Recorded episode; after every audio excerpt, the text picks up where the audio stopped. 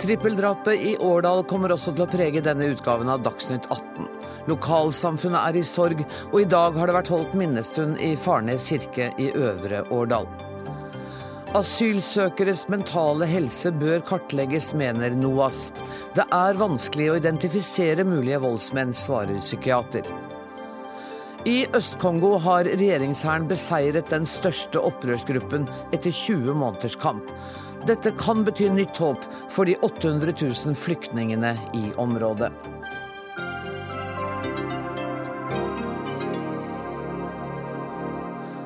Dette er altså Dagsnytt 18, der vi også skal møte maktgalskap, ærgjerrighet, hovmot og smerte. Alt i Sverre Anker Austdals skikkelse. Men først. Årdal kommune er i sorg etter trippeldrapet i går kveld. I dag ble det holdt minnestund i Farnes kirke. Og reporter Erlend Blåli Oldeide, hvordan preger det som har skjedd dette stedet nå? Akkurat nå står jeg utenfor rådhuset i, på Årdalstangen. Jeg ser utover et stearinlyshav som er blitt plassert på steinen her utenfor. Det står akkurat nå en tre-fire ungdommer for å legge på lys med bøyde hoved. Og Det er tydelig det at alle er prega av denne ulykka og denne tragedien som har råka samfunnet her. Du står sammen med ordføreren i Årdal, Arild Ingar Legreid. Kanskje du gir mikrofonen til ham. Um, Ordfører, hvilke tanker gjør du deg om det som har skjedd? Nei, det er jo ei grusom, uvirkelig hending som skjedde i går ettermiddag. og Dette preger selvsagt Årdalssamfunnet tungt både i går kveld og i dag. og må få lov å si at nå er navn kjent, og tankene mine går til de tre familiene, og spesielt til foreldre og, og, og, søsken til den jenta på 19 år som ble drept og var fra Årdalstangen. Kan du si noe om hvordan det siste døgnet har vært? Nei, det har vært et døgn der eh, ledergruppa i Aurdal kommune og kriseteamet har eh, prøvd og gjort det vi kan for å støtte eh, den familien som vi visste på et tidlig tidspunkt hadde mista ei datter. Har folk i Årdal tatt imot det tilbudet som dere var raskt ute med å tilby om samtalehjelp og krisehjelp? Noen eh, møtte opp eh, til samtale i går kveld, og noen eh, ringte telefon. I dag har vi hatt en samling Åpa kirke i Øvre Årdal, og der var mange ungdommer fra videregående skole og andre med på en fin stund. Du skal nå inn på et møte med UDI som begynner, eller kanskje allerede har begynt. Hvilke spørsmål er det du håper å få svar på? Nei, Vi har et møte nå klokka seks, en status i kriseledingen i vår. Og så er UDI kommet til Årdal, så de er med på det møtet. Så vi har forskjellige ting vi, vi ønsker å bli orientert om fra UDI, men mer vil jeg ikke si akkurat nå. Tusen takk for at du var med i Dagsnytt 18, ordfører Arild Ingar Legreid. Og da kan du vel gi mikrofonen tilbake til vår reporter Erlend Blåli Oldeide. Kripos bistår politiet i etterforskningen. Vet du nå om hvordan politiet arbeider med denne saken nå? De har fått bistand til også både gjøre tekniske og taktiske undersøkelser. De jobber veldig bredt. Det var en ransaking i heimen til asylsøkeren som er, som er mistenkt som gjerningsmann bak det hele. Og I det store og hele så har politiet veldig mange svar de har lyst på. For alle lurer jo på hvordan kunne dette skje? Hvordan kan noe så ubegripelig råke et lite lokalsamfunn? Er den antatte gjerningsmannen avhørt? Han er ikke avhørt så langt, så vidt jeg er kjent med. Jeg prata med politiet for en liten stund siden. Da var det sagt at de ikke ville avhøre han før de var trygge på at det ikke skulle gå utover hans helsetilstand. Det var helsa som avgjorde hvor tid han kunne avhøres. Men det varsla fengslingsmøte på fredag, og mannen har fått forsvarsadvokat. Så vidt jeg har fått opplyst, så er han nå overført fra Haukeland sykehus til Sandviken sykehus. Hva innebærer det? Det innebærer vel at de fysiske skadene er tatt seg av, og at en nå vil ha han i en form for forvaring, uten at jeg skal gå i detalj om det. Det er ikke kunnskap som jeg innehar. Eh, det har vært altså minnestund i dag. Jeg vil tro at det kommer til å være flere minnemarkeringer og samlinger fremover. Vet du noe om disse arrangementene?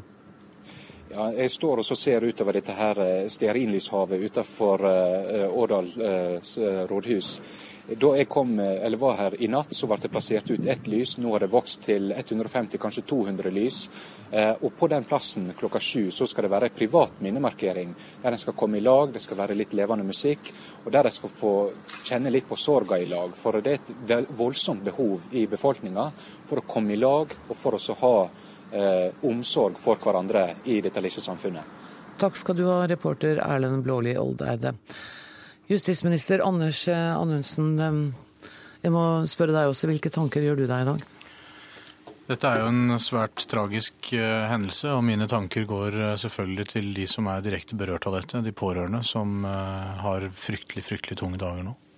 Og du har selvfølgelig stilt deg det samme spørsmålet som alle andre, hvordan kunne dette skje? Ja, og det er et spørsmål som blir stilt fra tid til annen når det skjer denne typen alvorlige hendelser. Eh, derfor er det viktig at vi har et veldig sterkt fokus på å finne ut hva som er eh, årsaken og årsakssammenhenger. Men jeg tror samtidig at vi nå må fokusere på at eh, de som nå er ramma, er de som trenger den nærmeste varme og omtanke. Og det sørger man for at de får, sånn som det høres ut på ordfører, at det er god ivaretagelse av de nærmeste? Ja, på de rapportene jeg har fått så langt, så gjør kommunen alt som står i deres makt for å ivareta de som er berørt. Justisminister, du har, hvis du har sitert riktig, og det tror jeg du er, tidligere i dag sagt at den antatte gjerningsmannen burde vært uttransportert for lenge siden. Ja, Det jeg har sagt er at vi har en eh, stor, stor, mengde tidligere asylsøkere som sitter på asylmottak og venter på uttransportering. Eh, og at vi burde raskere fått uttransportert mange av dem, i tillegg til at vi burde hatt en annen struktur på mottakene. Men samtidig så er det viktig for meg å understreke at eh, denne typen anledninger bør ikke benyttes til å nødvendigvis fokusere på ny politikk. Og det er ikke nødvendigvis slik at en annen struktur ville ha hindret en sånn hendelse. Så det å koble de to tingene for nært er jeg veldig skeptisk til. Eh, her vil diskusjonen... Det blir ikke tatt noen forhastede beslutninger her om endring av praksis eller innføring av ny politikk? Nei, og den diskusjonen som eh, oppstår i kjølvannet har jeg respekt for, og den er viktig å ta. Men jeg syns også det er viktig å skille de to tingene fra hverandre. For det er ikke nødvendigvis sånn at det er sammenheng mellom eh, politikk og eh, denne alvorlige gjerningen. Dvs. Si det er ikke sammenheng mellom politikk og denne alvorlige hendelsen. Men det er klart at eh, politikk har jo konsekvenser, og en annerledes politikk ville kanskje ha ført til et annet resultat, men jeg syns vi skal ta den diskusjonen på et litt annet nivå.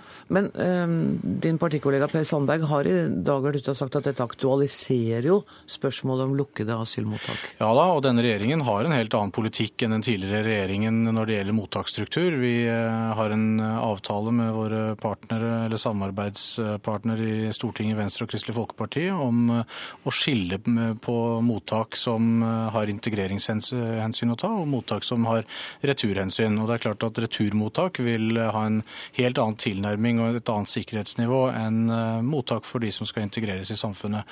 Eh, og Det er en politikk som, eh, som vi skal gjennomføre så fort det praktisk lar seg gjøre.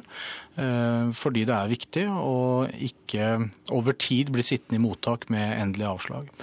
Når det gjelder tragedier som dette, så oppfattet jeg det dit hen at du sa at det skal ikke umiddelbart føre til strukturelle eller politiske endringer. Gjelder det også med hensyn til politiets organisering, som jo nå er under utarbeidelse? Altså Når det gjelder eh, asylpolitikken, så er dette et arbeid som vi har igangsatt lenge før denne tragiske hendelsen. Eh, og Det følger den oppsatte planen som vi har lagt for å gjøre de endringene.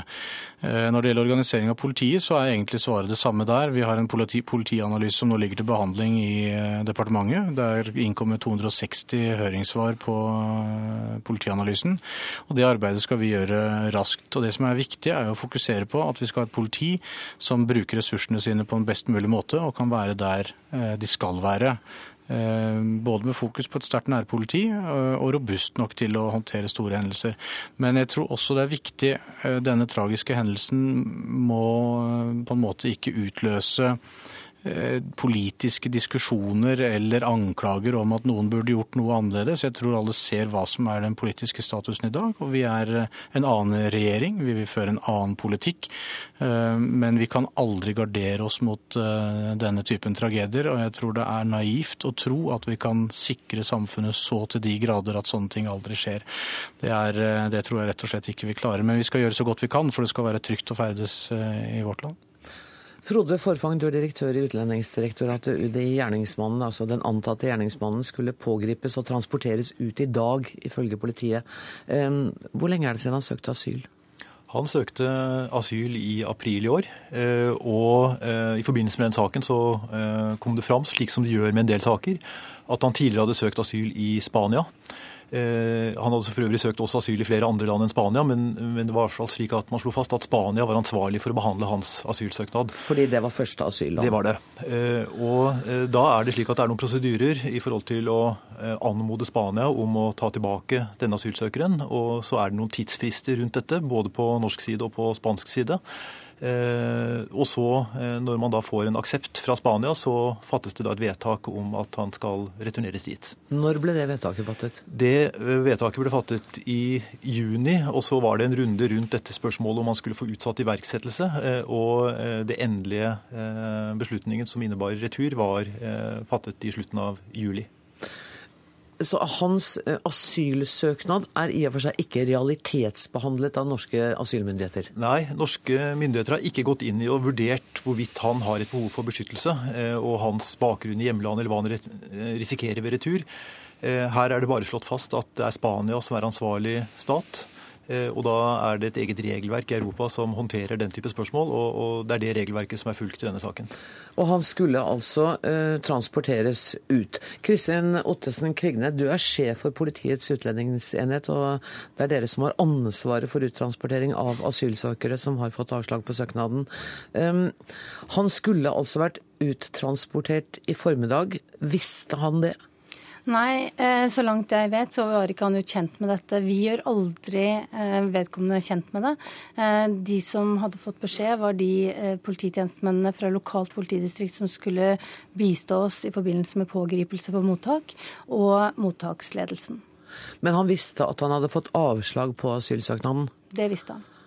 Og han vel da, visste vel da også at det er en tidsfrist. Dere har fått kritikk for at det er gått lang tid, og at han som hørte justisministeren han burde vært ute tidligere. Hva slags frister opererer dere med? Ja, Som Frode Forfang sa, så fikk han da et endelig vedtak i slutten av eh, juli. Og det vil si at vi etter kommunikasjon med spanske myndigheter kunne ha uttransportert han ca. i midten av august. Så, så, det er på en måte det tidsperspektivet vi sitter med. Eh, når det gjelder disse Dublin-sakene, så har vi hittil i år uttransportert eh, mer enn 1100 personer i henhold til denne forordningen. Vi har da... Det er altså folk som har søkt om asyl i et annet land før de kom til Norge, og dermed skal uttransporteres. Ja, det stemmer. Eh, sånn at vi vi, da, vi forholder oss da til denne fristen på seks måneder for tilbaketagelse, eh, og er veldig strenge med at vi skal klare å nå det, slik at vi ikke får realitetsbehandling av søknadene her i Norge. I tillegg så vil vi jo da prioritere personer som har begått kriminalitet i perioden, eh, og det var da ikke tilfellet eh, for denne eh, søkeren når vi vurderte hans uttransport. Disse transportene, hvordan foregår de stort sett? Er det uten eskorte? Det er en eh, konkret vurdering fra sak til sak. Vi risikovurderer hver eneste sak i forhold til de opplysningene vi har både i våre egne registre, eh, andre opplysninger vi har eh, fra internasjonale registre, og den kommunikasjonen vi har med mottakene. Sånn at en del blir da vurdert å måtte følges, andre blir vurdert å kunne reise uledsaget. Men vi pågriper alltid på mottaket, og vi tar en ny vurdering i forbindelse med pågripelsen.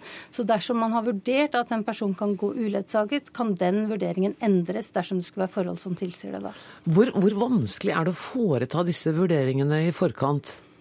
Jeg innbiller meg at det må være ganske komplisert. Ja, jeg, jeg, vil jo si at vi har en ganske god eh, risikovurdering. Vi har veldig få hendelser som, at, eh, altså som viser at vi har gjort en gal risikovurdering. Eh, det er eh, Ja, jeg, jeg tror jeg kan telle nærmest på en hånd hvor, hvor mange av disse som går til, til til uh, ny vurdering. Så, så, jeg mener at vi har et godt og trygt risikovurderingskonsept knyttet til dette. Vi uttransporterer i år mer enn 5000 uh, personer uh, fra Politiets utlendingsenhet. Ca. halvparten av disse går med eskorte, de øvrige går uledsaget. Mm. Og Jeg går ut fra at du er enig med justisministeren at det er ikke mulig å leve i et samfunn hvor man kan 100% garantere trygghet for alle borgere i alle situasjoner? Det tror jeg justisministeren er helt rett i, men vi gjør i hvert fall vårt ytterste for at de personene vi uttransporterer fra Norge, at det skal skje på en sikker og god måte. Justisminister, jeg går ut fra at du er svært opptatt av å hindre eh, en slik tragedie igjen. Eh, hvor langt perspektiv har du på det arbeidet som skal settes i gang eh, for å endre praksisen når det gjelder f.eks. asylsøkere?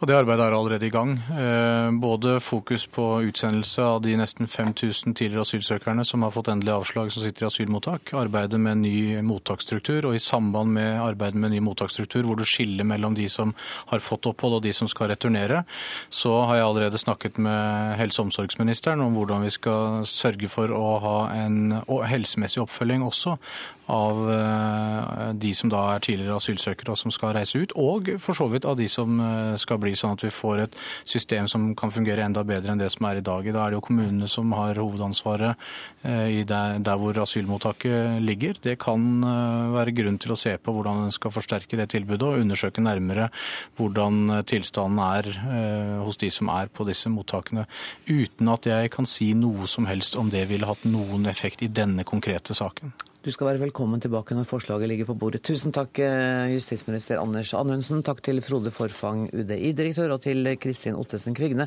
sjef for Politiets utlendingsenhet.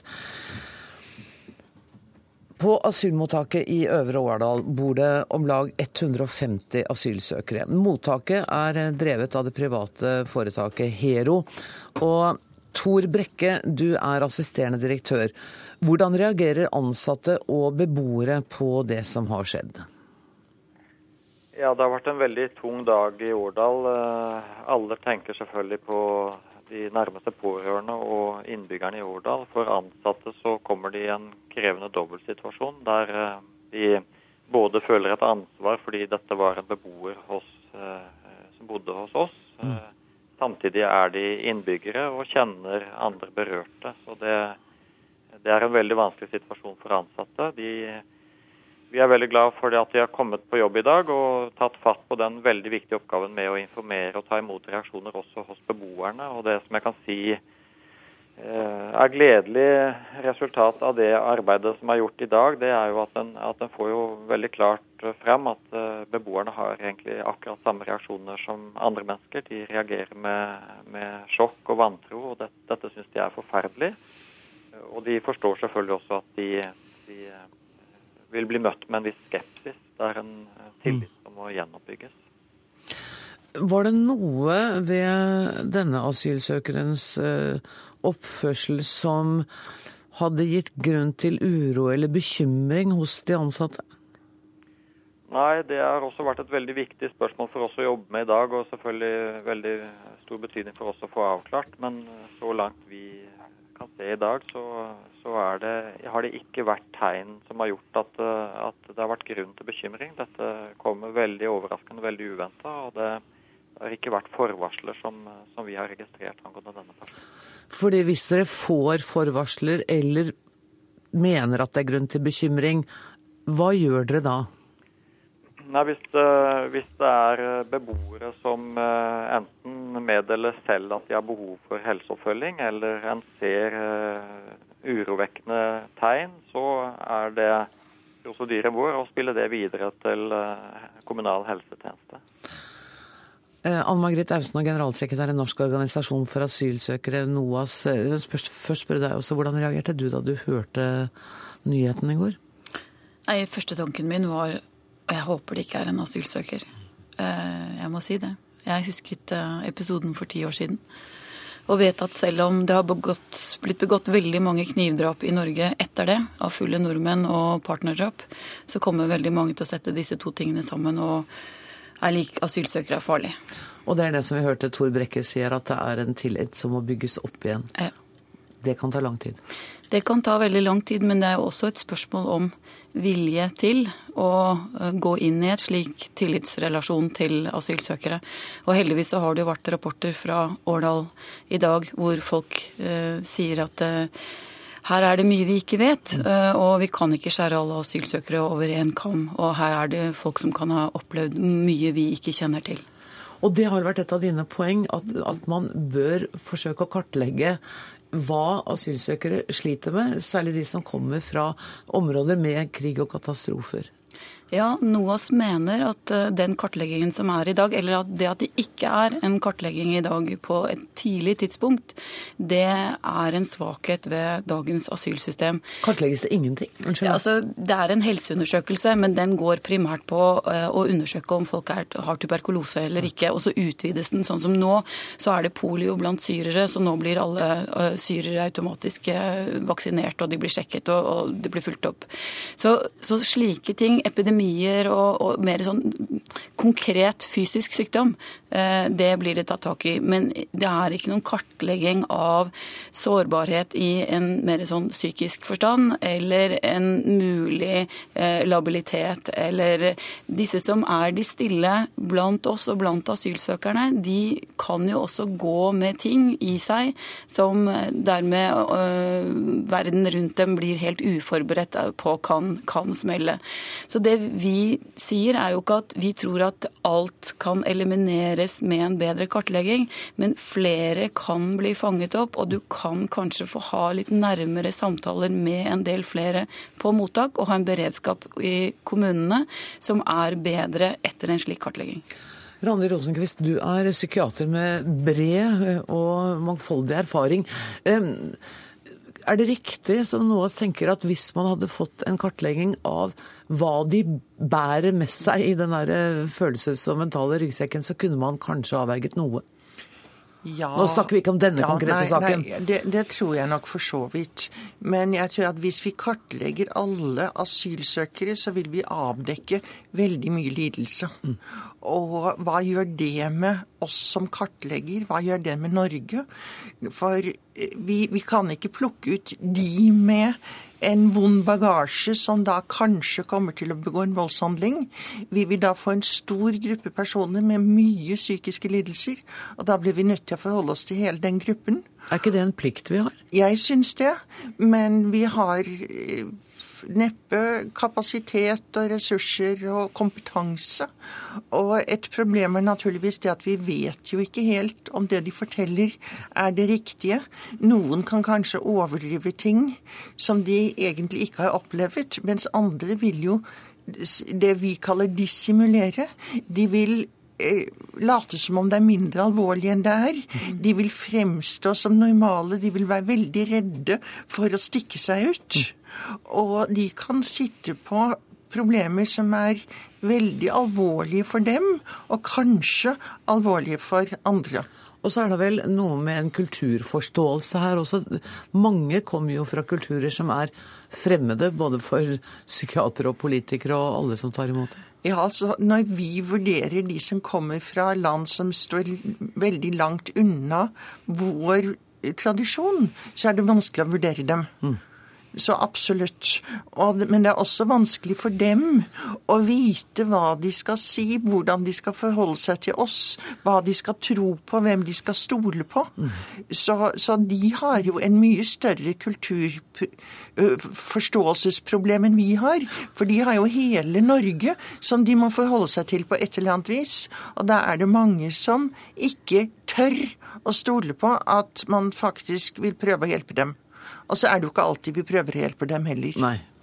Men, men altså, akkurat dette er at de har så mye de skal prøve å forstå. Det i seg selv er jo en utfordring. Og, og det ser NOAS når vi er rundt i mottak og, og snakker med bl.a. folk som er da dublinere og skal returneres til et annet land, at det er overraskende mange av dem som ikke forstår hva det vil si. De forstår ikke det at de skal til et annet land for å få eh, behandlet asylsøknaden sin der. De tror at de er avvist, og at dette bare er en eh, bit av reiseveien tilbake til opprinnelseslandet. Noe som kan trigge reaksjoner. Sånn at det der med jeg har stor respekt for, for, et fagområde jeg ikke er inne i det hele tatt. Men det vi ser, er at når du i hvert fall vet mer om personer, så forstår du mer av hva de forstår, og hva de ikke forstår. Og det der når det er veldig mye du ikke forstår, så blir du veldig utrygg. Og det i seg selv kan trigge reaksjoner som kan være depressive og passiviserende, men de kan også trigge utadvendte, sånn desperate reaksjoner. Det, det er jo helt klart. Og, men mitt poeng er orker vi som det norske samfunnet å ta inn over oss hvilke problemer de egentlig har? Mm. Og det er jeg ikke alltid sikker på vi har. Akkurat det tror jeg vi må bare la synke innover oss, og så må vi tenke gjennom det. Jeg sier tusen takk for at dere kom, Anne Margrethe Austenå og Randi Rosenquist.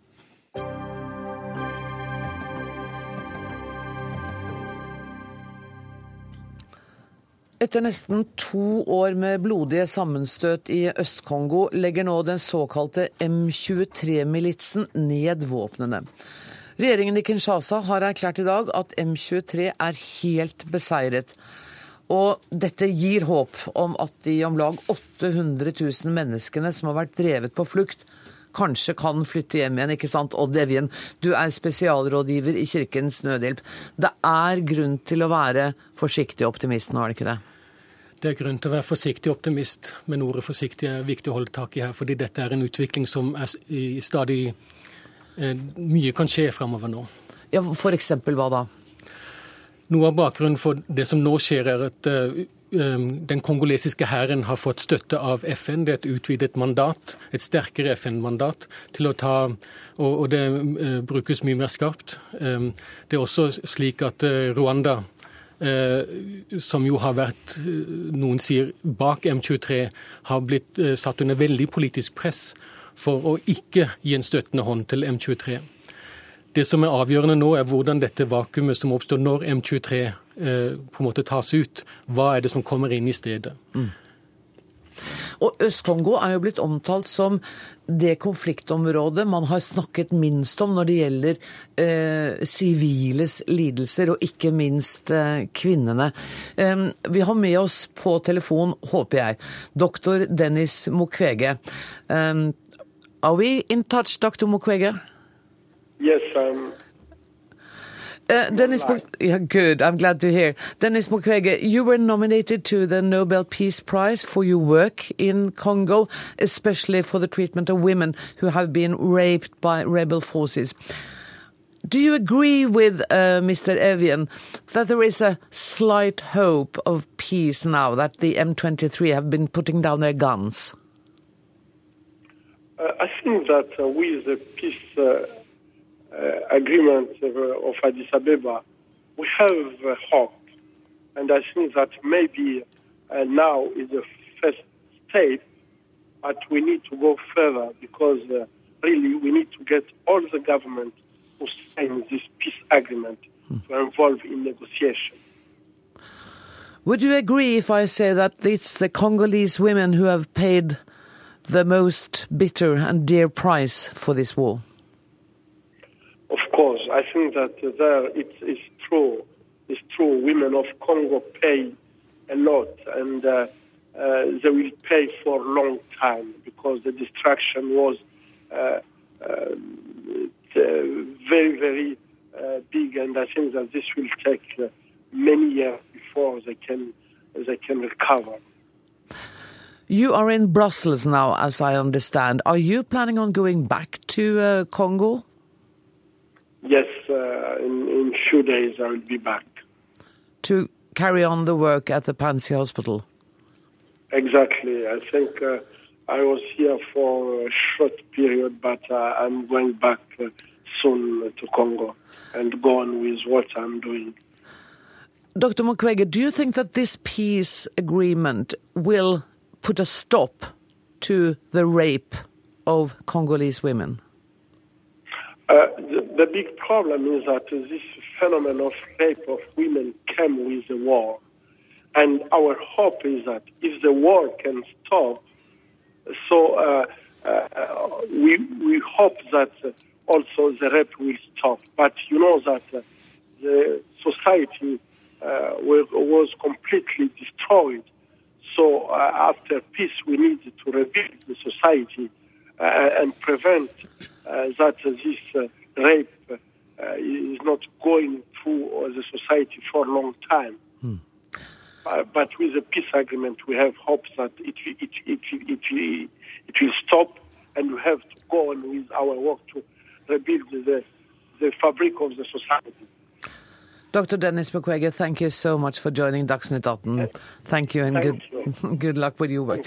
Um, Det doktor Mukwege sier her, er at fordi denne krigen har utløst denne voldsomheten og brutaliteten mot kvinner, så vil det ta tid å bygge opp igjen det sivile samfunnet. Og han er jo også enig i at det er kvinnene som har betalt den høyeste prisen.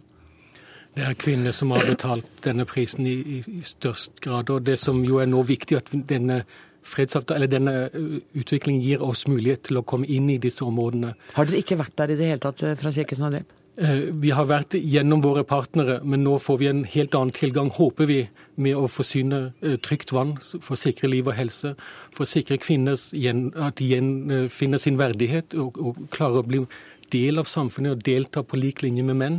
Og ikke minst, M23 har hatt mange barnesoldater. Og dette med rehabilitering av barnesoldater, de har jo selv begått overgrep i sitt lokalmiljø, som gjør det veldig vanskelig for eh, samfunnet å ta imot de samme barna.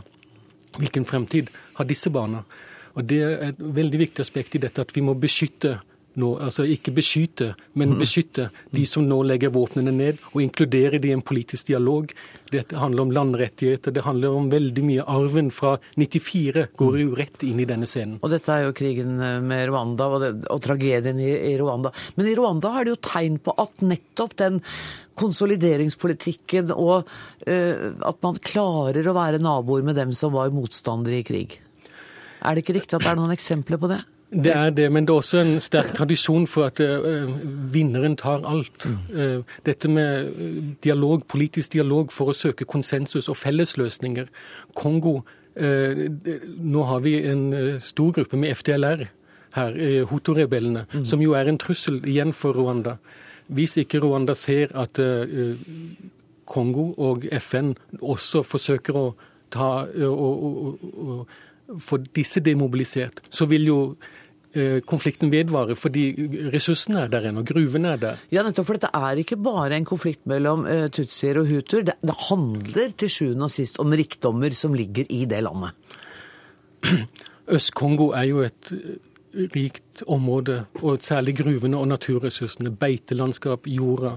Eh, Det forsyner jo naboland. Dette er jo en regional konflikt like mye som det er en kongolesisk konflikt. Men det er kongoleserne som lider under den.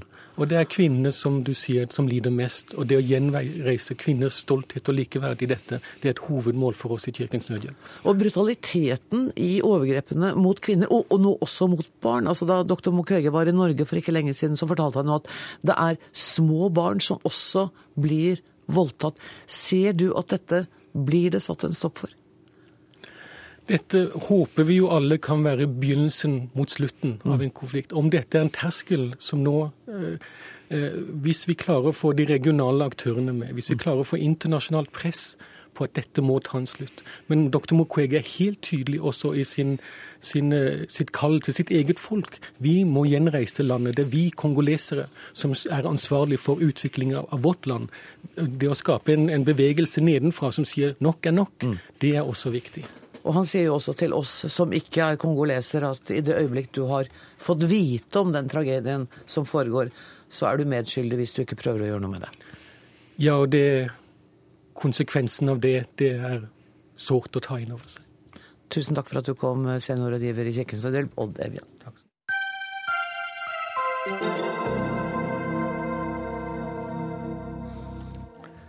Det har vært eh, knyttet spenning til hva slags klimapolitikk den nye regjeringen kommer til å føre, og i dag holdt statsminister Erna Solberg sin første tale om retningen i klimapolitikken. På Miljøstiftelsen Zeros konferanse sa Solberg at det er på tide å gå fra ord til handling, og lovet betydelig grønnere Norge. Tine Sundtoft, miljøvernminister, velkommen hit.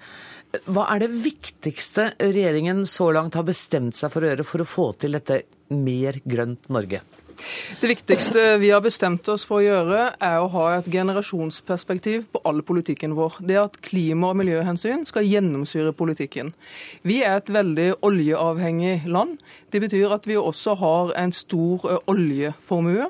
Vi ønsker å bruke oljepengene mer på én forskning, to kunnskap, tre infrastruktur og fire mer vekstfremmende skattepolitikk. Så jeg sier du kommer til å se god klima- og miljøpolitikk på alle politikkområder. I alle departementer kommer klima til å være en hovedsak? Ja.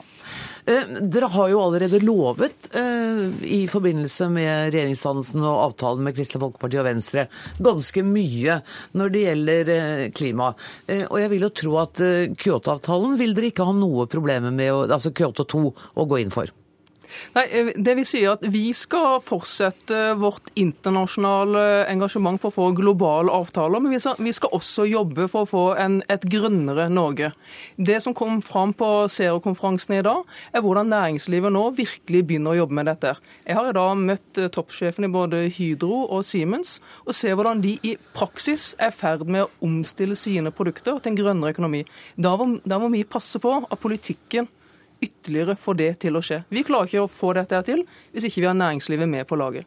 Jeg tror jeg formulerte meg litt klønete. Det jeg mente å spørre om var det vil altså ikke være noe problematisk for denne regjeringen i samarbeid med Fremskrittspartiet å uh, undertegne Kyoto 2? Denne regjeringen sier at vi skal forsterke klimaforliket, og det er det også brei politisk enighet om. Um, det har vært noen uttalelser i dag, har jeg sett i pressen, om, som er, uttrykker skuffelse over at Erna Solberg var for rund og for vag i klimaløftene sine i talen. Kan du være, altså Nå har du sagt de fire viktige punktene, og at uh, du er imponert over hva næringslivet gjør. Er det andre ting? Kan dere f.eks. støtte uh, Arbeiderpartiets forslag om at oljefondet skal ut av kull? Det kommer vi tilbake til når Stortinget skal behandle Statens pensjonsfond utland til eh, våren. Men vi merker oss det som et innspill. Jeg tror det er viktig at vi nå ser på all mulig politikk for å få det grønne skiftet som vi er helt avhengig av, for å få det generasjonsperspektivet til å fungere i praksis. Jeg vet ikke om jeg forstår helt hva det generasjonsperspektivet innebærer. Jeg skjønner at det skal inn i alle departementer, men hva betyr Eh, på samme måte som vi tenker generasjonsperspektiv i økonomisk politikk. Når vi nå har en oljeformue 5000 eh, milliarder kroner. Det er ikke bare det, ca. 1 million per nordmann. Men vi må også ha den formuen i vente på de nordmenn som kommer etter oss, de som i dag ikke er født. Okay. De trenger da at vi tenker et forvalteransvar på den politikken vi har i dag, slik at de også kan vokse opp med god natur rundt seg. Men dette høres ikke helt nytt ut for meg. Jeg trodde det var sånn man hadde forvalta det hele tiden. Det er jo ikke sånn at Arbeiderpartiet har delt ut en, eller de, de rød-grønne har delt ut en million til hver. Og... Nei, men vi har de siste åtte årene blitt mye mer oljeavhengig i dette landet. Vi ønsker nå å bruke oljepengene i tråd med handlingsregelen. Bruke mer på forskning, mer forskning på miljøteknologi som bedriftene kan bruke for å omstille sine produkter til en grønnere økonomi. Det er en vridning av oljepengene som den forrige regjeringen ikke i samme grad hadde. Og Det vil bl.a., vil jeg tro, eh, bety mer satsing og utvikling av teknologi når det gjelder vindkraft? Det kan det også være. Hvilke andre områder vil du tenke deg? Eh, som sagt, Jeg har hatt møte med Siemens i dag. Ja. De, eh, nå er det en selvfølge i dette landet at det er mange elbiler. Mm. Her har vi brukt avgiftspolitikken veldig bra. Vi har brukt den på en sånn måte at vi har 15 ganger flere elbiler i Norge enn i Sverige. Nå får vi snart den første elferja. Siemens har tanker om kanskje du om få år får elfly, altså bruke eh, elektrisitet inn i dette. Vi klarer ikke helt å tenke oss i dag hvordan det nye samfunnet blir. Næringslivet tenker dette mye raskere enn oss politikere, men vi må da ha en politikk som får ytterligere fart på den utviklingen. Som inspirerer næringslivet til enda mer. Heikki Holmås, stortingsrepresentant for eh, SV altså vi, Nå gir jo miljøvernministeren ros for avgiftspolitikken når det gjelder eh, elbiler. Ja. På elbiler og på bilavgifter, som har ført til at vi har eh, en dramatisk nedgang i, eh, i forurensningen fra nye, nye biler, bl.a. Ja, men det, det, kan du bare ta til deg. Men, er, men det, det. det, høres jo fornuftig ut, det miljøvernministeren sier om at man må ha en, en klimapolitikk som både er en generasjonspolitikk og som går i alle departementene. Selvsagt. Det er helt nødvendig. Og skal vi klare den omstillingen til den klima klimavennlige fremtiden som vi må inn i, så er vi nødt for å gjøre det på en ordentlig måte. Men jeg har merket til én ting som miljøvernministeren sa, og det var, det var at hun sa vi er altfor oljeavhengige her. Mm. Og er det noe jeg savnet i statsminister Erna Solberg sin tale, så var det nettopp det at hun ikke nevnte noe særlig om hvordan vi skulle fri oss fra oljeavhengigheten ved å ta ned investeringen i oljeindustrien. For vi vet at mesteparten av de fossile ressursene i verden i dag, altså olje, kull, gass, tjæresand, må bli liggende. Og da, vi, da, er det to ting som er viktige som vi kan gjøre. Det ene er å trekke investeringene fra oljefondet. Trekke investeringene i oljefondet ut av kull, gass, eh, tjæresand og olje. Hvorfor har du ikke gjort det på åtte år? Nei, men Dette er jo en av de tingene som vi gikk til valg på, og som vi fremmet forslag om. Nå ser jeg at Arbeiderpartiet eh, kommer etter og sier ja til kull, noe de sa nei til under valgkampen. Men dette er den ene biten. Og den andre biten er jo å sørge for at mer av den norske oljen blir liggende i Norge. Mm. Og dette er det helt tyst om fra Erna Solbergs side. og sånn sett kan du si at det var ikke akkurat noe klimafriskus som sto på talerstolen i dag. Men miljøvernministeren var jo ikke helt eh, stille på dette. Er du enig med Heikki Holmås i det han sier om oljeavhengigheten, og at den må ned ganske fort?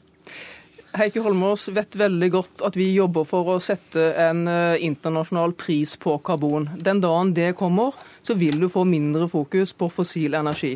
Da vil også næringslivet begynne å utvikle produkter i andre retninger. På hvilken måte vil en internasjonal eller en global pris på karbon bidra til eh, Bare forklar oss som ikke er så inne i det. Bidra til en klimabedring? Det blir mindre interessant, det blir mindre riktig å satse på fossil energi. Vi må vri dette her i andre retninger, og det er her vi ønsker å bruke politikken. Bruke skattene og avgiftene. Vi vil sette ned en grønn skattekommisjon for å få skatte- og avgiftspolitikken til at vi velger mer grønt. Vi har, vi har andre virkemidler på det enn den forrige regjeringen hadde. Silje Lundberg, du er leder i Natur og Ungdom. Et betydelig grønnere Norge. Betyr det at du er fornøyd i dag? Nei. Det betyr det virkelig ikke. Hvorfor er jeg ikke overrasket over det svaret? jeg skulle ønske at jeg var der. Altså. Jeg, jeg satt der med veldig store forhåpninger. Um, men jeg synes ikke at den talen verken uh, viste noe retning på hvor det er man ønsker å gå, uh, eller de ambisjonene man har for å virkelig få til det her grønne skiftet. Um, når man begynner å snakke om de konkrete uh, tiltakene som skal gjennomføres, med unntak av måte, de små tingene som allerede står i regjeringserklæringa, så var det det som Eh, jeg fikk ut av den talen, var at man da skulle redusere bevilgningen til regnskogsatsinga mm. eller regnskogsbevaringa, som, som, Norge har internasjonalt. Og sånn sett så Men det tror jeg statsministeren har tilbakevist, for jeg leste da vitterlig et NTB-telegram om at det har hun tilbakevist, eller hvordan er det? Vi har akkurat samme ambisjon Nettopp. innenfor uh, den satsingen. Men samme ambisjon betyr det at man også har samme type bevilgning? Vi har akkurat samme ambisjon, derfor ser resten til fredag. Ja. Vi, vi, kan ikke få budsjettlekkasjen over bordet her. Nei, det kan vi da tydeligvis ikke. Men det som uansett Her snakker man Man snakker mye om et generasjon, generasjonsperspektiv. Nå er det så vidt jeg greier å si ordet.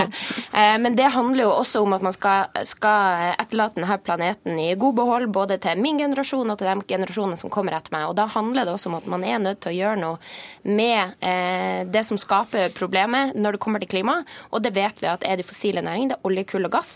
I Norge så er det sånn at siden 1990 1990 så har utslippene fra oljesektoren de har økt med 75 Så her er man nødt til å gjøre et oppgjør, men man er ikke i nærheten av å ta det oppgjøret. Og men, man men speiler litt, ingenting av det. Men, men hold an litt grann, for det, altså, det, er jo ikke denne miljøvernministeren som er ansvarlig for det. Og du har vel nettopp sagt at eh, dere skal satse på den alternative og, uh, uh, energien, og vi skal bort fra karbon alle skjønner at vi kan ikke skru av oljekrana over natta. Vi ønsker å bruke den oljeformuen til å vri politikken i en mer grønn retning. Mm. Når Hydro nå eh, satser eh, på Karmøy og får ned energien like mye som hele energiforbruket i Bergen, så er det praktisk grønn politikk. Vi mm. vil støtte mer av den. Men... Holmås.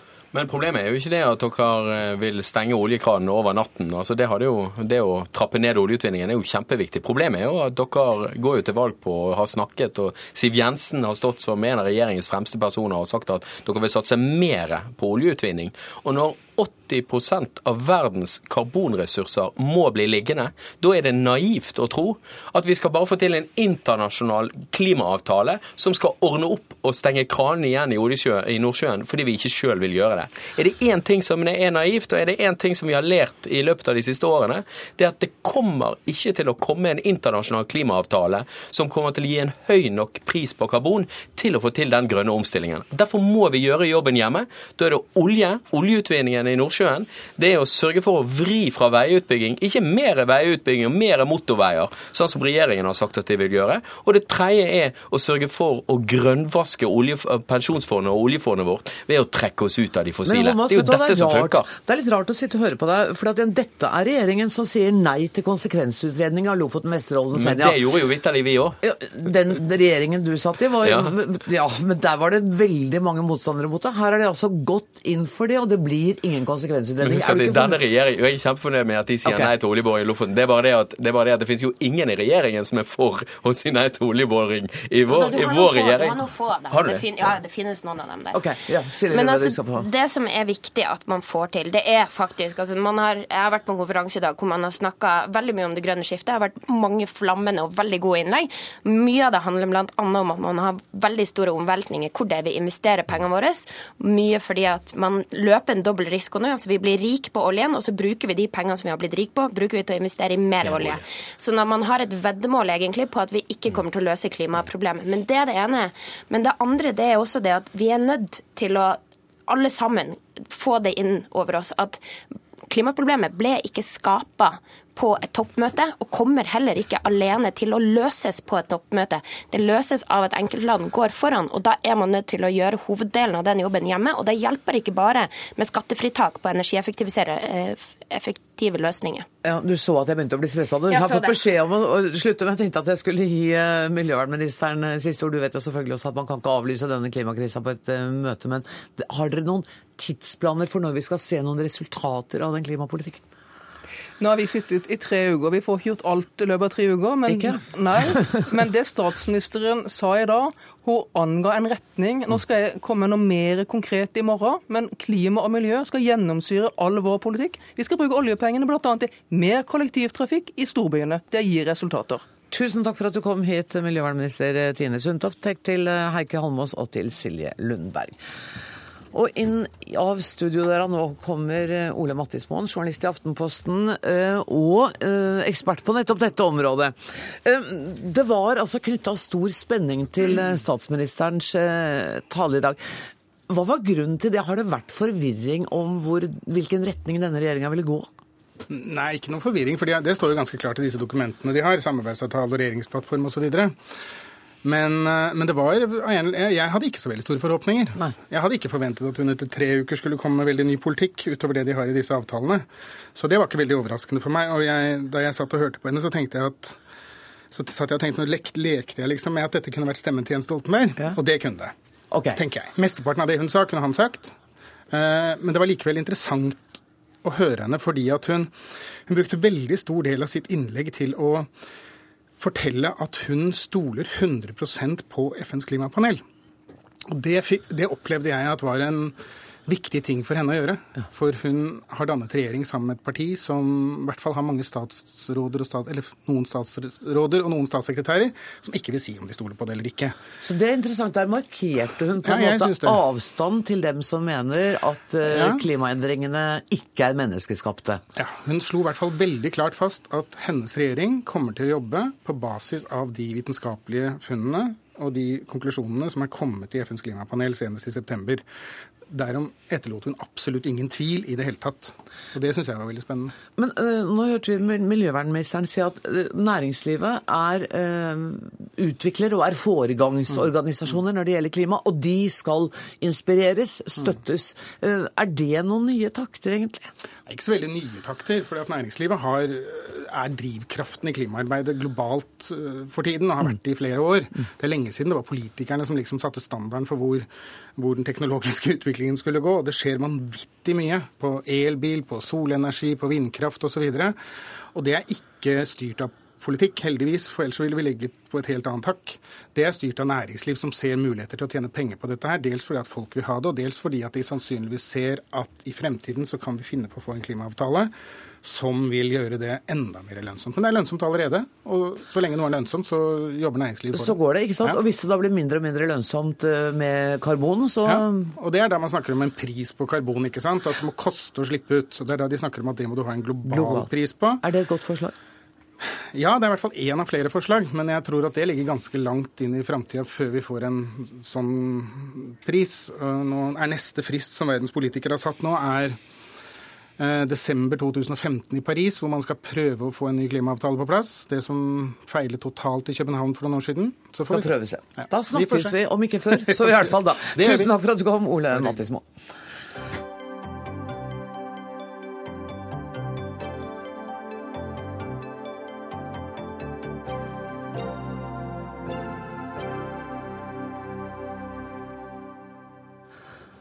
Lørdag er det premiere på Kong Lear på Nationaltheatret. Dette skuespillet som er omtalt som et fjell som mange beundrer, men som få tør å bestige. Du Sverre Anker Austdal, du har åpenbart ikke høydeskrekk? Nei, jeg har ikke det. Nei. Jeg har uh, fløyt ballong i Andrés luftferd med Jan Truells film. Ja, det har du. Så jeg ble vant til å være i høyden der. Og dette her er jo uh, vi klatrer jo enda, for vi har jo ikke hatt premiere enda. Så Nei. vi klatrer og klatrer. Men uh, Kjennes det bratt? Det kjennes veldig bratt, men det gjør det jo alltid. Gjør det det? Ja, det gjør det. pisse. Jeg leste et intervju med deg hvor du sa at det, liksom, det der med å grue seg uh, for å stå på scenen blir verre og verre. At nå begynner du tidligere og tidligere på dagen. Så tenkte jeg, vet du hva, Sverre Anker Rausdal, ikke flørt da. Det kan jo, ikke være sånn. Det er ikke noe flørt. Før, da jeg var ung, så var det liksom ti på seks, vaska jeg hendene og så full fart på teatret. Nå så ble det senere og senere. Så nå når jeg våkner om morgenen Å, jeg skal spille i kveld! Så det, det er ikke noe flørt, og det er sant, og det tror jeg gjelder for mange, mange skuespillere. Er det da med en viss glede du ser at dette her da er avskjedsforestillingen din som fast ansatt på Nationaltheatret? Det er jo vemodig også, på en mm. måte, da. At det er liksom slutt, på en måte. Men eh, jo, litt glede og litt eh, vemod. Mm. Mm. Mer tid til snekkerbua, den skal vi ikke snakke så mye om. Men du, eh, du har jo ikke bedt om rollen Kong Lear. Altså Skuespillere av din generasjon og din kategori ber ikke om roller. Dere tar de rollene som teatersjefen gir dere. Ja, det gjør vi. Ja. Så da du eh, fikk beskjed om at du skulle være kong Lear. Husker du, hva følte du, hva tenkte du? Ja, jeg tenkte at jøss, jaha, kong Lear, ja da vet jeg at Laurence Olivia har spilt den, Derek Jacobi har spilt den. Så tenkte jeg da er jeg i godt selskap. Jaha, tenkte jeg. Det var jo flott. Har det vært noen øyeblikk hvor du har angra når du har hørt på den enorme tekstmengden som du har fått innspilt? Ja, det har det vært. Det er det stadig. Dette går ikke, dette går ikke, dette går ikke. Tenker jeg stadig vekk. Men, men du det, har du gjort det også til andre roller? Ja, dette får jeg, jeg ikke til. Det har jeg gjort. Ofte. Så tenker man at dette går ikke, dette går ikke. Så det har blitt en sånn at jeg sier at dette går ikke. Og hvordan går det, spør familien meg og sånn opp gjennom årene. Nei, det går ikke. Sånn. Nei vel, det går ikke. Men så har det, det, det har gått, da. Og av og til har det ikke gått, da, selvfølgelig. Men, uh, ja, Det er ikke ofte. Det har gått opp for deg at du er en av Norges aller aller fremste skuespillere gjennom tidene. gjennom tatt... tidene? Det ja. var da svært, da. Nei, men Jeg er her for å ljuge, jeg. Ja, ja, okay. Nei, men Det tror jeg er riktig. Men det, tenker du på det? Nei, det tenker jeg ikke på. Nei. Det tenker jeg ikke. Nei. Kong, eh, Kong Lear er eh, et voldsomt stykke drama. Det er det. Men det er Shakespeare, og det er eh, en brønn Shakespeare er du kan hente opp fra denne brønnen. Så eh, hadde det vært en ukjent forfatter for meg, f.eks., så hadde jeg jo vært veldig redd og tenkt dette. Men Shakespeare er, Shakespeare, og det er alltid noe å hente. I begynnelsen så ser det forferdelig mørkt ut når du ser ned i den brønnen. Så dykker du ned, og så er det alltid noe der. Og når du har hjelp av instruktør som Stein Winge, som jeg har, kjenner veldig godt fra teaterskolen. Vi gikk sammen der. Gikk ut i 65, det begynner å bli noen år? Ja, det gjør det. det, gjør det. Men, og dere samarbeider bra? Ja, det gjør vi. Absolutt. Jeg er helt ærlig nå. Ja, vi, vi gjør jo det. Jeg, kjefter litt på han, og han kjefter litt på meg, men det går over fordi at vi er gamle kjente. Så jo, vi samarbeider bra. Tror, vi har noe av det samme sinnet, tror jeg. At vi eh, Det er ikke så mange ord som blir sagt. Det er mer stønn og grunt og litt sånn eh, Sånn at det liksom eh, de, de, intellektuelle ordene flyr ikke akkurat mellom oss. Men jeg liker det sånn, og Stein liker å instruere sånn. Og, så vi passer veldig godt sammen på, på mange måter. Du, jeg vet at skuespillere hater å bli spurt om sånn personlig følelsesliv, men, men, det er nesten ikke til å unngå når det gjelder eh, akkurat dette stykket. For er det noe Henter du noe opp av deg sjøl i den galskapen som utvikler seg hos Ja, det, det gjør jeg. Det, hvor skulle jeg ellers hentet det fra, liksom? Jeg må hente det i meg selv. Og vi har jo Vi har det jo, selv om det ikke Men det er jobben min å, å dykke ned til det og finne frem det, da. Så det gjør jeg absolutt. Eh, jeg kan ikke forklare, kan ikke forklare hvordan man, man, gjør det, men jeg vet bare at Lars Nordrøm, som jeg syns var en av de største, største som var Han er død nå, dessverre. Men han, han eh, snakket ikke så mye. Han sa jeg, jeg tror det er mer grønt her. Det er litt gult, føler jeg. Og eh, det var det. Men han fikk det til, og han var den beste, syns jeg. Blant de beste. Og jeg føler også litt sånn at det er litt grønt og litt gult. Og det, det er ikke å sitte og snakke hva man skal gjøre. Det er bare det er å gjøre det. Det er min oppgave. Min oppgave er ikke å være litteraturprofessor og fortelle og analysere og intellektualisere stykket. Min oppgave er å gjøre det på scenen. Og det håper jeg at jeg klarer. Av og til klarer jeg, av og til ikke. Merker du forskjell sjøl? På Når du liksom syns at 'Å, der var det', ja, og når det ikke er det? Det gjør jeg. Mm. Det er et øyeblikk som alt er i Hva skal jeg si? Det er i publikum. Det du sier. Alt stemmer, men det er sjelden. Men det er det du går og ønsker hver kveld skal skje hver kveld. Det er ikke alltid det skjer. Tvert imot. Det er veldig sjelden det skjer. Mm. Men når det skjer, så er det Alt er i vater, alt stemmer, og da er det verdt det. Og da er det verdt gruinga og alt sammen? Alt. Eh, Ravsdal, dette her er altså vel, ikke, Det er jo sikkert ikke din avskjedsforestilling, men det er det det heter nå. Men den kommer til å måtte vare en stund, for jeg var inne på nettet for å prøve å kjøpe meg billetter til, ja. Eh, til King Lear.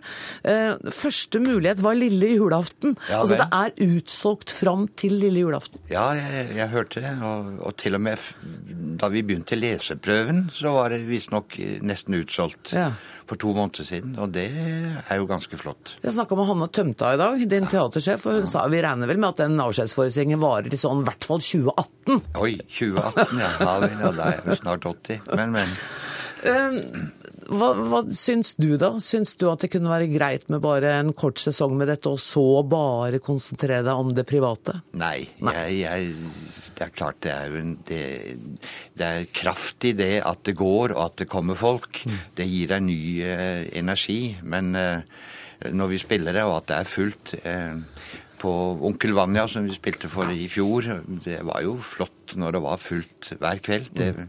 Selv om vi spilte ja, 45 ganger, tror jeg, eller noe sånt. Så Blir du lei Blir du lei replikkene dine 45 ganger? Ja, jeg Av og til så gjør man det, men ikke, ikke i Shakespeare, ikke i de klasse, ikke i Ibsen, ikke i Strindberg, så blir man ikke lei. Det er alltid noe å hente der. Det er alltid noe nytt. Så, så eh, nei, jeg blir ikke lei. Det er alltid spennende. Men flate stykker som jeg har vært borti Og, og vi skal ikke nevne navn Nei, den. Nei, Vi skal ikke nevne navn. Nei, det kan man bli lei. Uh, du, uh, bare helt kort. Det er uh, to timer og 30 minutter denne forestillingen varer, ja. uten pause. Hvem er det verst for? Meg i salen eller deg på scenen? Det bli, må bli pause. Vi diskuterer bli... litt, men det må være oh, ja, for Jeg så på hjemmesiden at nå står det foreløpig uten pause. Å oh, ja vel. Ok. Men, men, ja, ja, men da blir det pause, da. Jeg tror det blir pause. Jeg vet ikke, men eh, det er ikke meg som bestemmer det. Men kan vi jeg... slappe av litt begge to, da? Jeg håper at det blir pause. Vi gleder oss til å se deg som kong Lear. Jeg er nødt til å avslutte denne sendinga, for Dagsnytt 18 er slutt for i dag. Takk til Sverre Anker Austdal. Ansvarlig for Dagsnytt 18 var Siri Hytten. Det tekniske ansvaret har Frode Thorshaug. Jeg heter Anne Grosvold, og vi høres.